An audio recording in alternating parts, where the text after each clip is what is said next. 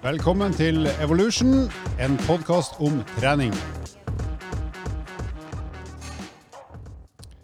Ja, Det er godt å være tilbake igjen eh, i vårt nylige lille studio på Skøyen her i Oslo. eh, Og eh, det er jo fortsatt mørkt og trist ute, og dessverre er det fortsatt mye smitte rundt i landet. Så før vi går videre, så ta hensyn til hverandre, hold avstand og vask deg både her og der, så ikke vi smitter folk når vi er ute blant andre enn oss sjøl. Men eh, ja, det er mørkt og trist, men eh, det er mange ting som kan gjøre livet lysere, bl.a. trening. Og noe annet som vi har babla litt om, eh, vi guttene som sitter her nå, det er hva slags podkaster vi liker å høre på når vi enten bare sitter og skal slappe av, eller kjøre bil, eller trene, eller hva som helst. Så da tenkte jeg at vi tar en tur til han peneste av oss, og det er ikke meg. Men det er fortsatt Lars. Hva er det du hører på når du skal underholdes? Mm, jeg bruker podkast i veldig mange øyemed. med. Stort sett eh, når jeg både kjeder meg, men òg når jeg har det gøy. Det vil si på trening. I konfirmasjon og barnedåp? Eller på julemiddagen hjemme med mor og far. Det er offensivt å sitte i kirka og høre på podkast. AirPods. Lenge leve. Nei, du, jeg har en ganske fin liste. Litt sånn variert. Um, eh, jeg er jo glad i å høre litt sånn faglig prat. Vil si prøve å få litt inputs her og der. Eh, så i det siste har det gått i, i det lange løp, NRK. Eh, sånn løpsinspirert. Det er både motiverende, men òg litt sånn faglig input. eh, Jan, Jan Post, er det ikke? Det er Jan Post, ja. Kommentatoren. og Og. Chris, Christian Ulriksen. Eh, og så syns jeg det er gøy å le litt. Og det å sitte på bussen eller sitte for deg sjøl i bilen og sitte og le og humre for deg sjøl, det er ganske morsomt. Eh, eh, og det vil si Friminutt med Herman Flesvig og Mikkel Niva kommer veldig høyt inn på min eh, rangering. Ja. Fantastiske gutter. Eh, litt lik humor som meg sjøl. Tror det er lei. Og så siste, den er litt usikker på, men det blir nok kanskje B-lagspodden. Med gutta i TV 2. Mari Skjelbæk, Jesper Mathisen og uh, min gode kompis som jeg spiller fotball med, Simen uh, Stamsø Møller. Stamsø Møller. Ja, den handla om fotball i 20 minutter av første episode, og etter det så er det bare babling om alt mulig. Ja. Og det passer meg perfekt. Altså det, den, den hører jeg kanskje oftest på når jeg er på trening. For da, du går rundt og humrer litt for deg sjøl, og så er det ja, noen spennende tema. Og så er det Nei, det, de tre havner jeg på. Jeg må si jeg er imponert over Marius Skjelbæk spesielt, for han er jo sportsidiot, men sånn genuint glad i sport, og så kan han så utrolig mye om alt mulig annet i tillegg. Og så er han jo, han høres ut som han er 79, men han er vel rundt 30, tror jeg. Han er yngre enn eh, meg og deg. Og Ja, ja, så han, jeg, Rundt Andreas sin alder. jeg kjenner han litt, for han, eh, han gjorde noen reportasjer for TV 2 når jeg jobba i Skøyteforbundet. Mm. Kul fyr. Flink fyr. Morsom. Hva Ja. med Skjetner, da? Du er en liten fun fact på Marius, faktisk. Ja, jeg tror han er stort sett på vinnerlaget. Var kommet til pubquiz på, oppe på Noie scene. Soria Moria. Aha. Mhm. Nice. Har du vært med på det, du? All- Ingen kommentar. Har du planlagt å bli med? Ja. Men du skal sende en e-post til Jan Post først? Mm. Bra, Andreas. Da er det din tur, for jeg må gå ut av studio, for jeg har så dårlig humor her. Hei, Jan Post. Fin gnatt vil ha igjen n-en sin. Det er jo en gammel tweet. Eh, podcaster, ja. Jeg er jo ganske fan av podkast. Rolig løping med podkast, eller i bilen. Og det er klart, eh, når du eh, for øyeblikket bor oppe i Nittedalen, så kan det jo hende at det blir både én og to timer i kø. Og det er bare én vei. Eh, nei, podkaster. Jeg hører jo litt på de som Lars eh, nevnte her. Jeg er jo fan av, fan av de samme, og det ser man jo på, på topplistene. Men jeg har noen andre. da. Jeg, jeg kjører jo 198 land med Einar Tørnquist. Geografi er jo, eh, er jo en av mine favoritter. Ditt andre hjem.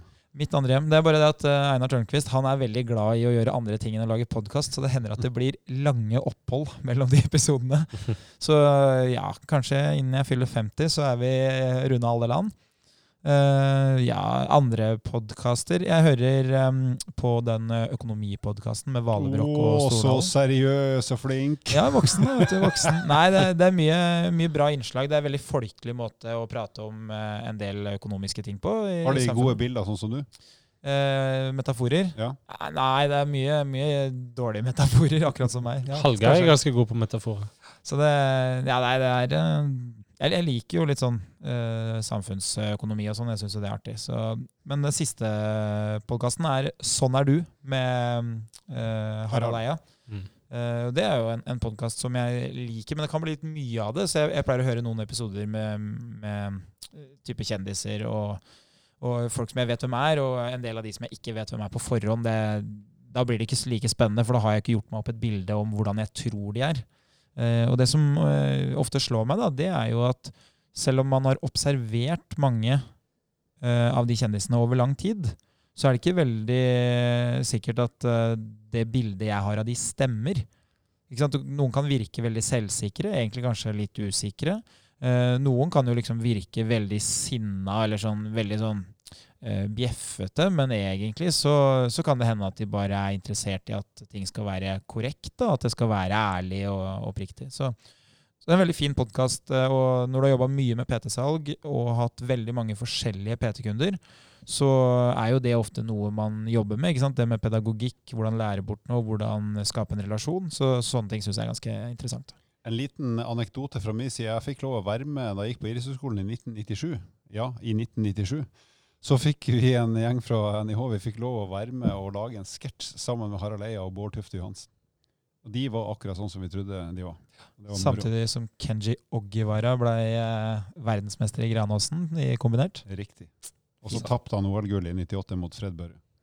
i 98. Nei, det var Bjarte Engenvik, det. I 94, som var eh, Fred Børre.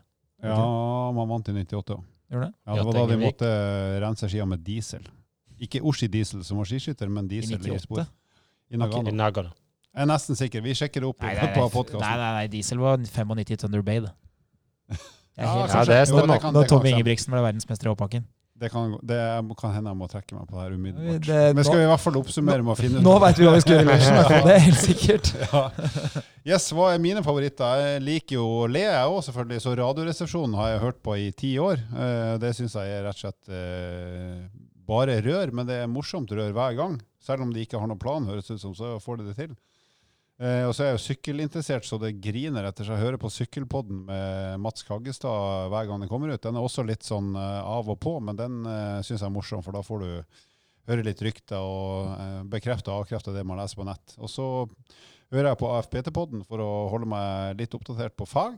Og så har jeg blitt veldig glad i nå har jeg funnet eh, en pod som heter Heia fotball, som egentlig er ganske svær, men der har de mye kule gjester som eh, Særlig sånne gamle fotballspillere forteller, som forteller om hvordan livet egentlig var da de var aktive. Og nå ser vi her at Bjarte Engen. Bjarte Engen Vik vant i 98 i Nagano. Stemmer det. Og hvor kommer han fra? Bardufoss. Alle kommer jo fra samme idrettslag. Alle som driver med kombinert, gjør de ikke det? Det er Han bare er å uh, Half and half. Han er halvveis fra Øystese, bygda mi. Åh, Halvfeil. Bardu, ikke Bardufoss. For det er ganske eh, stor forskjell. Setermoen. Basert på dialekt så tipper jeg det er mer Bardu enn Foss. Vik er faktisk Øystes navn. Ja, Ikke det den, eh, en fun fact om eh, de som er fra Er ikke, Bardu Bardøyfoss de er fra? De som flytta oppover eh, på 1800-tallet, når det var flom i Østerdalen. Derfor de har annen dialekt. Mm. Ja, jeg, også og så dro de til, eller, eller så dro de til USA. Ja, ja, ja, halvparten. Men jeg tror det er derfor de har Ja. veldig sånn Målselv kommune. Ja, bokmålsdialekt. eh, Så har de sikkert, eh, som alle oss andre, vanna seg litt ut. Bitte litt på grunn av Forsvaret. Bra, nok rør. Nå får vi komme til saken straks. Vi skal i gang med episode seks i forbrenningsspesial om et lite sekund.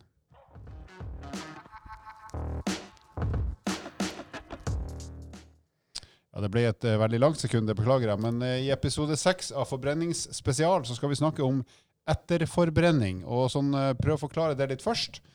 Etterforbrenning det er det vi tenker på når vi snakker om hvor mye høyere er forbrenninga etter at du er ferdig å trene, til denne forbrenninga har kommet tilbake igjen til normalnivå. Så det de fleste tenker på da, ok, hvor mange kalorier etter at jeg er ferdig å trene, forbrenner jeg selv om jeg egentlig ikke trener lenger. Eh, og før vi skal gi dere noen tall på det og prøve å forklare litt, så, så tenker jeg at vi kan jo først prøve å fortelle hvordan vi kan måle det her. Eh, for det er gjort en del forskning på det her som, eh, som gir oss de tallene vi kan stole på. Og det man gjør da, det er at man har uh, ulike mennesker som eh, gjør forskjellig trening. Det kan være styrketrening, kondistrening og alt mulig annet, egentlig. Og da gjør man den treninga eh, med utstyr som gjør at du kan måle oksygenforbruket underveis i selve treninga. For når vi kan måle hvor mye oksygen du bruker i treninga, da vet vi også hvor høy forbrenning du har.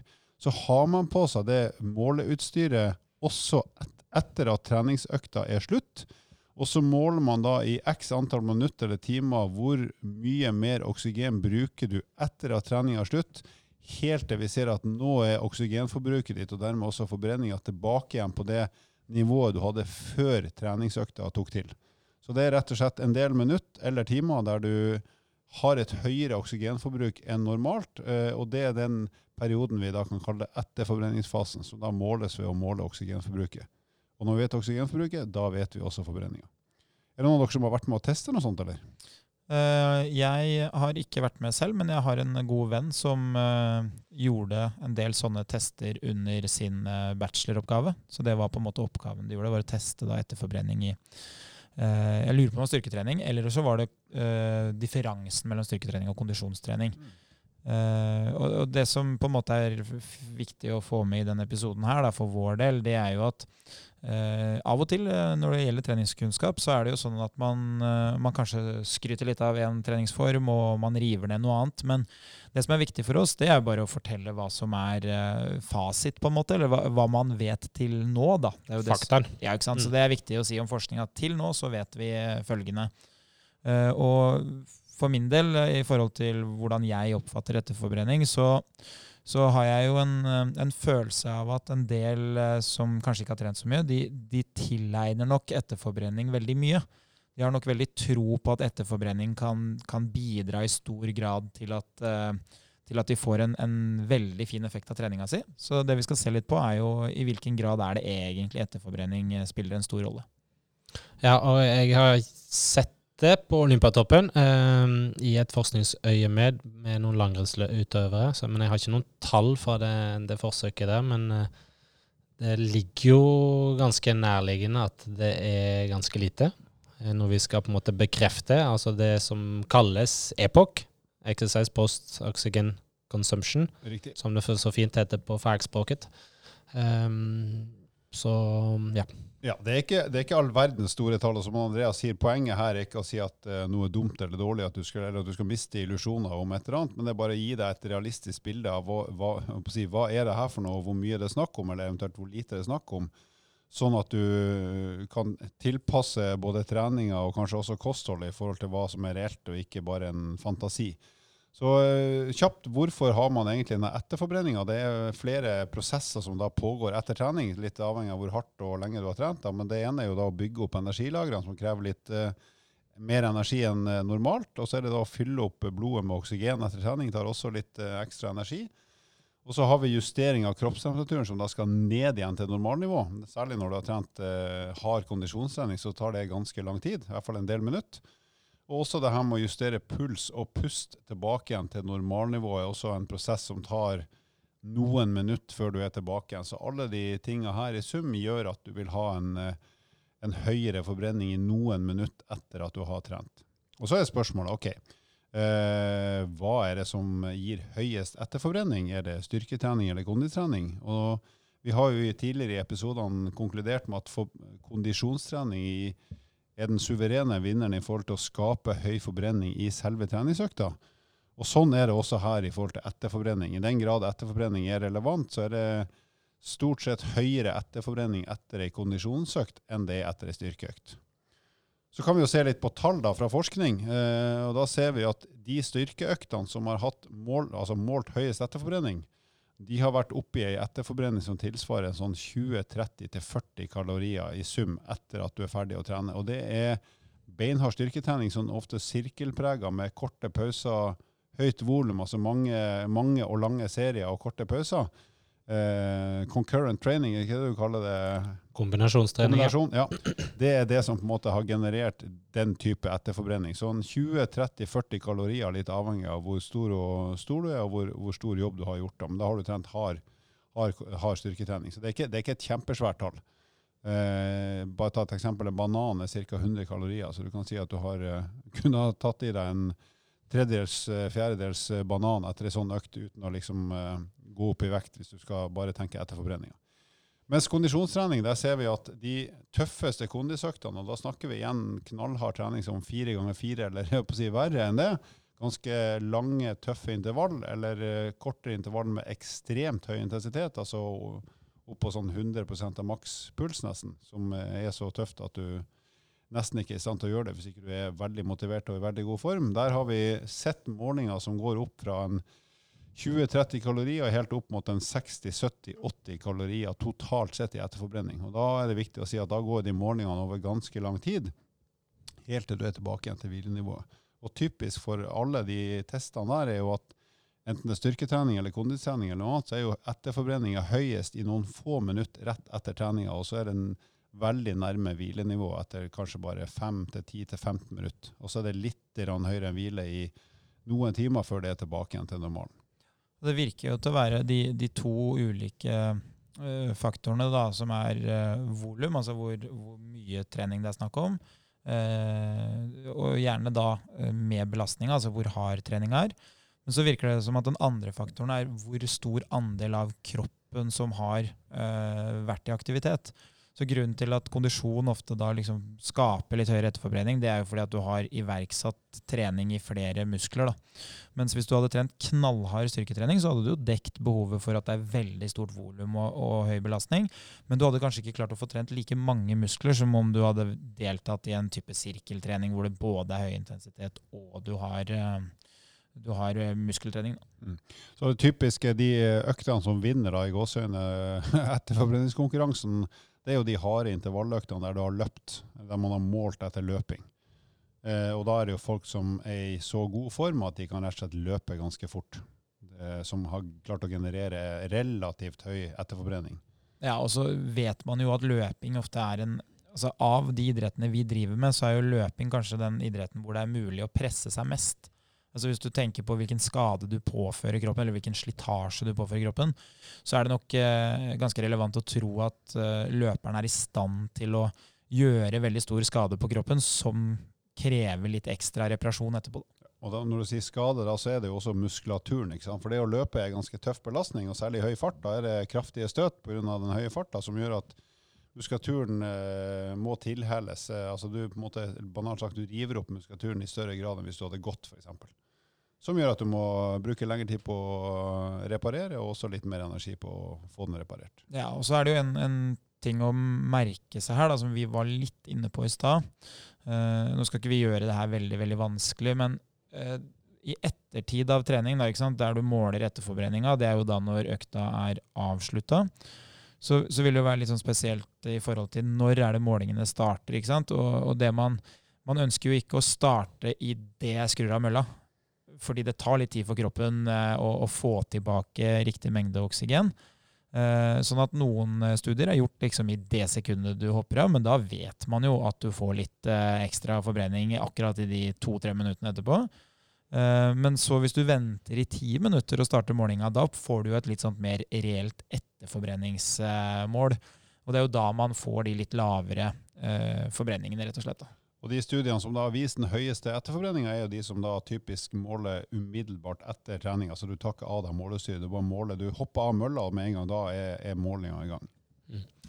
Et sånn typisk spørsmål jeg får som PT ute på sentrene, er jo etter vi har kjørt intervalløp, eh, der man på en måte gjenspeiler hvor mye man kan forbrenne i etterkant, altså etterforbrenninga, som da tallene tilsier at det er minimal, eh, men det folk òg ofte relaterer det til, er når man har satt seg ned og roa ned i garderoben, gått i dusjen, og så får man den ettersettinga.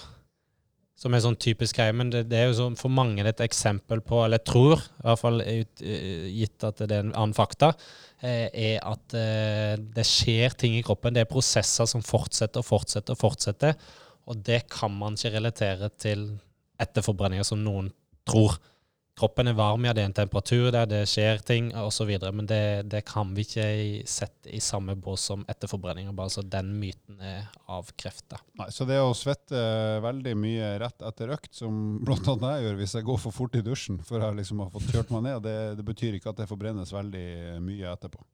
Det blir jo som en panelovn. ikke sant? Idet du kutter strømmen, så vil jo ovnen være ganske varm etterpå, selv om du egentlig ikke bruker noe energi. da. Du er helt sjuk på de Det anekdotene dine. metaforen der er vel helt seriøst, Andreas. Det er i hvert fall topp ti av det jeg har hørt i hele mitt liv, inklusive alle lærere jeg har møtt i mitt liv. Og nå, er, nå er vi inne på noe bra her. En ting jeg ville også ta med, da, som ikke har noe med, med den metaforen å gjøre, for den, den lagrer vi. Den lever sitt eget liv. Den lever sitt eget liv. Uh, nei, det jeg ville si var at en ting som òg er sånn synlig for oss, da, som syns at det her er sabla interessant, ikke sant, og som liker det faglige, det er jo idet du starter treningsøkta di, så har man jo en liten forsinkelse ikke sant, når man går i gang. Det er når du slår på ovnen. Når du slår på ovnen, ja. ikke sant? Sånn at øh, når man Ja, for den blir jo ikke varm med en gang. Nei, ikke sant. Du kan ha strøm på ovnen uten at den er varm. Ah. Eh, og det som skjer med kroppen, er jo at eh, hvis kroppen er uthvilt, så har man jo et lite overskudd av energi, ikke sant? Eh, og man har jo ikke Man går jo ikke rundt med en Kall det en aktiv kropp, da, heldigvis, for det koster litt ekstra å være aktiv. Så akkurat i den startfasen, når du liksom igangsetter kroppen, så, så tar det litt tid før forbrenninga virkelig drar til. Og etterforbrenninga den, den ser ikke ut til å være så veldig mye større enn den forsinkelsen. Så det letteste, hvis vi skal gi en anbefaling, det er vel bare å forholde seg til eh, hva er det du har gjort, og Ja. ikke bry seg så mye om hva som skal skje verken før eller etterpå. Skaff deg et realistisk bilde av hva er forbrenninga i den økta du har gjort, og that's it. Da er du på trygg grunn. Bør i hvert fall ikke bruke det til noe mer i forhold til f.eks. For vektreduksjon. I forhold til kalorier, kalorier inn og kalorier ut. En, en artig ting, da, Lars sa jo i stad at eh, etterforbrenning heter jo EPOC. Ikke sant? Det er forkortelsen for eh, hva det heter eh, Excessive post oxygen consumption. Excessive, faktisk. ja. ja. Nei, det som er morsomt, er jo at EPOC er jo også navnet på en sabla sterk snus. Litt morsomt er jo at snus inneholder jo da nikotin, som i seg selv øker forbrenninga. Skal jeg si noe som ikke er morsomt? Pukk er et veldig kjent sykkelklesmerke. Briller Stein, altså. og Pukk. Pukkverk. Ja, det, det er svensk, tror jeg. Faktisk. Hjelm og uh, skibriller. Ja, ok. Ja, ja, det stemmer. ja, det er jo Pok. Sportsbutikken. da. Pok, Jeg briller. avrunder oss sjøl her, for det her er så usaklig etter hvert at, at vi må gå videre. Pokker.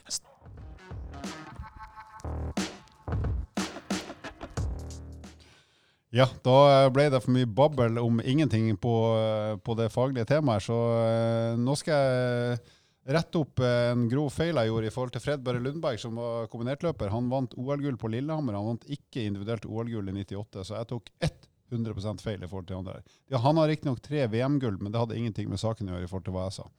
Så det beklager jeg, men det er iallfall korrigert nå. Men han ble olympisk mester eh, i lag i 98. Ja, fire ganger fem km stafett. Det var en suveren seier.